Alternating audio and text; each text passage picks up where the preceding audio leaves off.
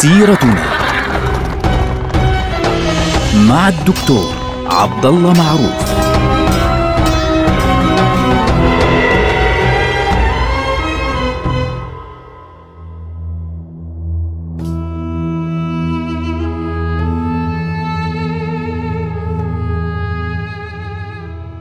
السلام عليكم ورحمة الله وبركاته. سيرتنا سيرة هذه الأمة العظيمة ونحن الآن في عهد السلطان محمد الرابع.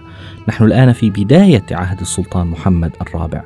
طبعا إحنا تكلمنا في الحلقات الماضية عن عهد السلطان مراد الرابع وعن عهد السلطان إبراهيم الأول الذي في عهده فتح أغلب جزيرة كريت وليس كل الجزيرة، لم يتمكن الناس من فتح كل الجزيرة أقصد العثمانيون طبعا. وبالتالي يعني الذي حدث أن السلطان إبراهيم الأول حاول أن يفتك بالانكشارية لأنهم يعني تجاوزوا حدودهم كثيرا ويتدخلون في كل شيء في شؤون الدولة فحاول أن ينقلب عليهم في ليلة واحدة فاجتمعوا وجمعوا معهم بعض العلماء إضافة للمفتي عبد الرحيم أفندي وأهتاج الانكشارية وغيرهم ثم أعلنوا عزل السلطان إبراهيم الأول وتولية محمد الرابع. تولية محمد الرابع وبالتالي بدأ الانشقاق بهذه الحالة في داخل البيت لماذا؟ لأن الفرسان سلاح الفرسان قالوا نحن نريد أن نعيد السلطان إبراهيم الأول فقرر هؤلاء قتل السلطان إبراهيم وفعلا قتل السلطان إبراهيم خنقا وتولى الأمر بالفعل السلطان محمد خان الرابع.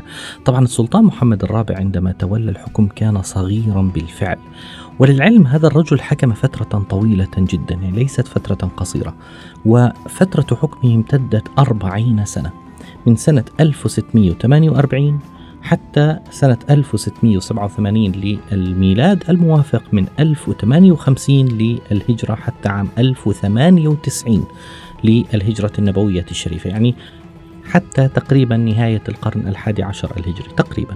فبالتالي السلطان محمد الرابع في زمنه كانت هناك أحداث كثيرة جدا. لا لكن يمكننا أن نقول إن هذه الأربعين سنة نعم حدثت فيها أحداث مهمة وكبيرة لكن العنوان الأساسي كان في بدايتها ضعف السلطان محمد. محمد الرابع كان ضعيفا والدولة العثمانية في ذلك الوقت كانت تفقد قوتها شيئا فشيئا. ولكن سبحان الله ذكرنا في حلقات ماضية أن هذه الدولة من رحمة الله عز وجل بالمسلمين أنه كانت كل فترة تضعف فيها الدولة بتيجي شخصية بترفع هذه الدولة مرة أخرى. فمن الشخصيات التي ذكرناها سابقا مثلا سلطان مراد الرابع الذي أعاد للدولة أيام السلطان سليمان القانوني بقوته في خاصة في آخر آه تقريبا عشر سنوات من حياته. لكن السلطان مراد الرابع كانت فترة حكمه ابتداء كانت ضعيفة وكانت فوضى كبيرة جدا.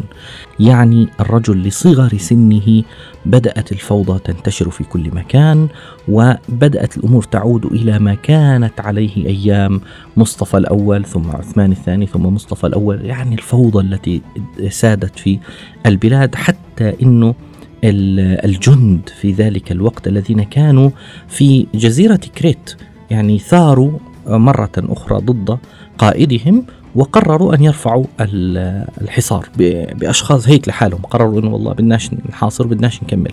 تخيل لما الجند أنفسهم يسري فيهم هذا المرض مرض عدم الطاعة ومرض الفوضى. بالتالي اضطر العثمانيون طبعا أن يعودوا إلى يعني عن جزيرة كريت ويتركوا المدينة الأخيرة التي كانوا يحاصرونها في ذلك الوقت. ثم في نفس الوقت حصلت ثورة في منطقة آه الأناضول. يعني رجل اسمه آه كاترجي أولو انضم إليه مجموعة من الناس وتحرك باتجاه القسطنطينية وكاد أن يدخل القسطنطينية لولا أن وقع آه شقاق بينه وبين أحد قادته وبالتالي وقع الخلاف بينهما وافترقا عن بعضهما فحاربهما الجند العثمانيون وهزم الطرفين. فبالتالي هذه الثورة كانت من زمان لم تحدث ثورات في الأناضول ولم تحدث فوضى في الأناضول بهذا الشكل. لكن بسبب ضعف السلطان محمد الرابع وصغر سنه في ذلك الوقت كانت الأمور يعني تمتد بشكل فوضى كبيرة جدا. النقطة المهمة هنا أنه عندنا بتيجي في هذه المعادلة مين؟ النمسا. ترجع النمسا في عهد السلطان محمد الرابع في وسط المعمعة. النمسا في ذلك الوقت كانت منشغلة وأوروبا بشكل عام منشغلة بحروب داخلية بسبب قصة الأرثوذكس والكاثوليك. يعني كانت عندهم مشاكل كبيرة جدا وكانت الحروب فعليا بين الكاثوليك والبروتستانت على أوجها يعني على أشدها حتى أن النمسا كانت قد دخلت حربا في هذه الفترة من سنة 1618 حتى سنة 1648 يعني تقريبا آه، مع بداية حكم محمد الرابع كانت قد انتهت هذه الحرب كان اسمها حرب الثلاثين سنة. هذه الحرب كانت بين الكاثوليك والبروتستانت كانت قوية جدا وعنيفة جدا. لولا هذه الحرب يقدر بعض المؤرخين أنه كان يمكن للنمسا أن تدخل كل بلاد المجر يعني كل البلاد التي فتحتها الدولة العثمانية في وسط أوروبا الشرقية كانت النمسا تمكنت من الوصول إلى كل هذه المنطقة. وتتالت الثورات بعد ذلك تتالت الثورات من الانكشارية وأحيانا من الناس وأحيانا من آه، الحكومة من أفراد الحكومة وهكذا بدأت الثورات تنتشر في الأناضول وفي بلاد آه، تقريبا في العاصمة بالذات بالدرجة الأولى وفي بعض البلدان الأخرى التي تتبع للدولة العثمانية، طبعا هذا الكلام سيؤدي لاحقا إلى يعني احتقانات كبيرة في بلاد الشام، ستؤدي إلى ثورات مثل ثورة نقيب الأشراف، سنتكلم عنها في حلقة قادمة هذه الثورة، وثورات أخرى وشخصيات مستقلة ستظهر في هذه المراحل لاحقا.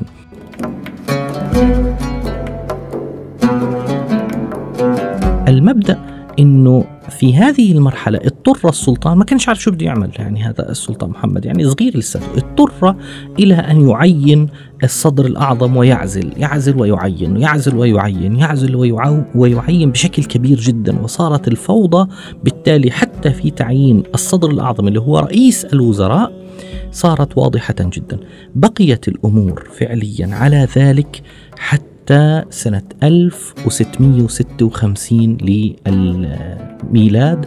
يعني إحنا بنتكلم تقريبا عن آه، ثمان سنوات بعد بداية حكم السلطان محمد الرابع وكان ذلك عندما تولى آه، منصب الصدارة العظمى الصدر الأعظم رجل مشهور جدا في هذه المرحلة ومهم جدا لتاريخنا على فكرة اسمه الوزير محمد باشا كوبرلي.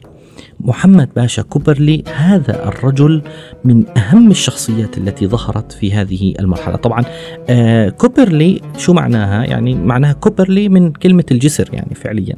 يعني هذه العائلة المشهورة لعائلة كوبرلي فعليا أصبحت عائلة معروفة بسبب محمد باشا.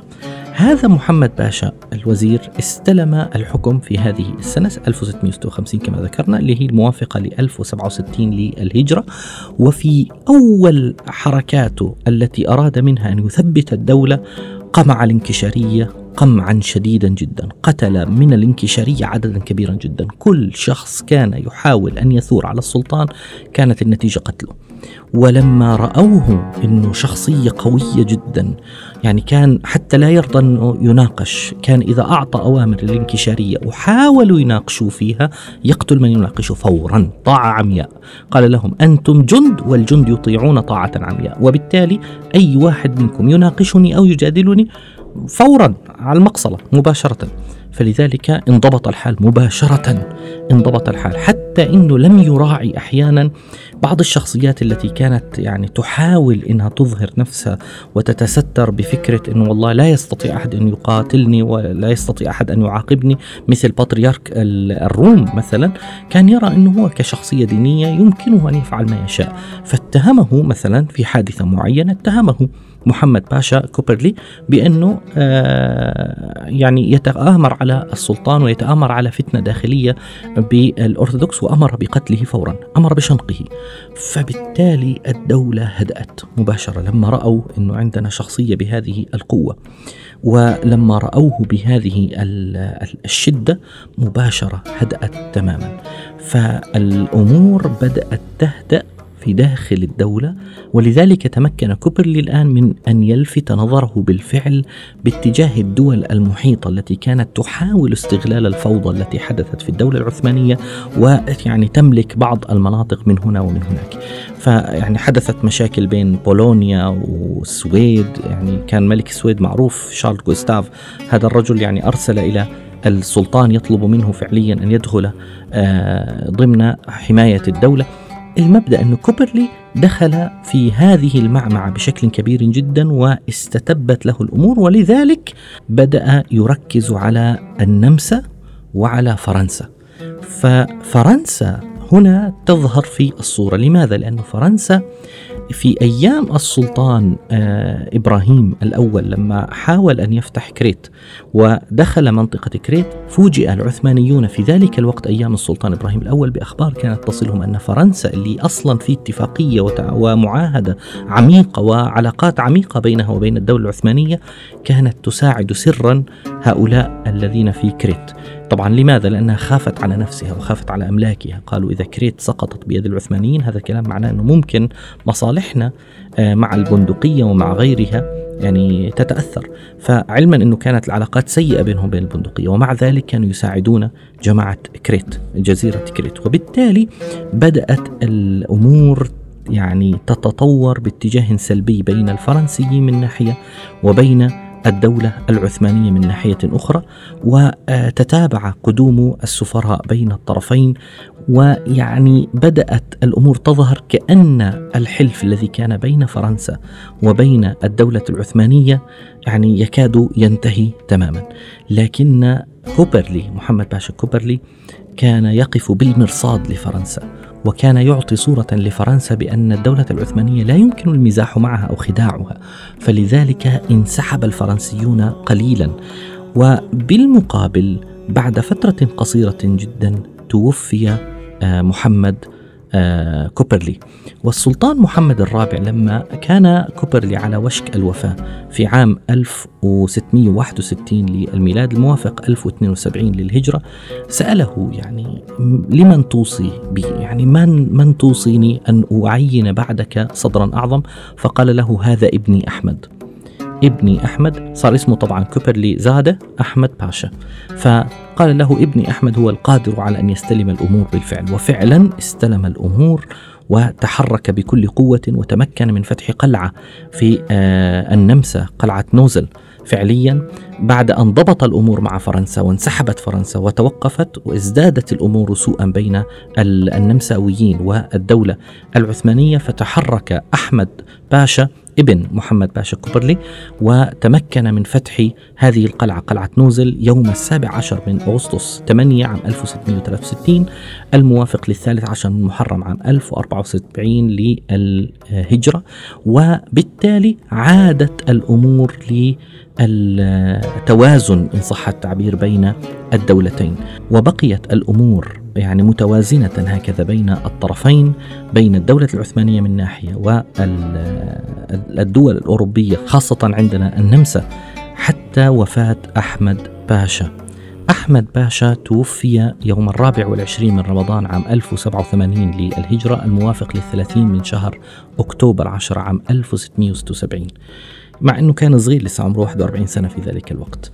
استلم منصب الصدر الأعظم من بعده زوج أخته رجل اسمه قرة مصطفى. قرة مصطفى. قرة مصطفى لم يكن بهذه الإمكانيات ولم يكن بهذه القدرة وسيبدو ذلك واضحا في حصاره لمدينة فيينا. نلقاكم على خير والسلام عليكم.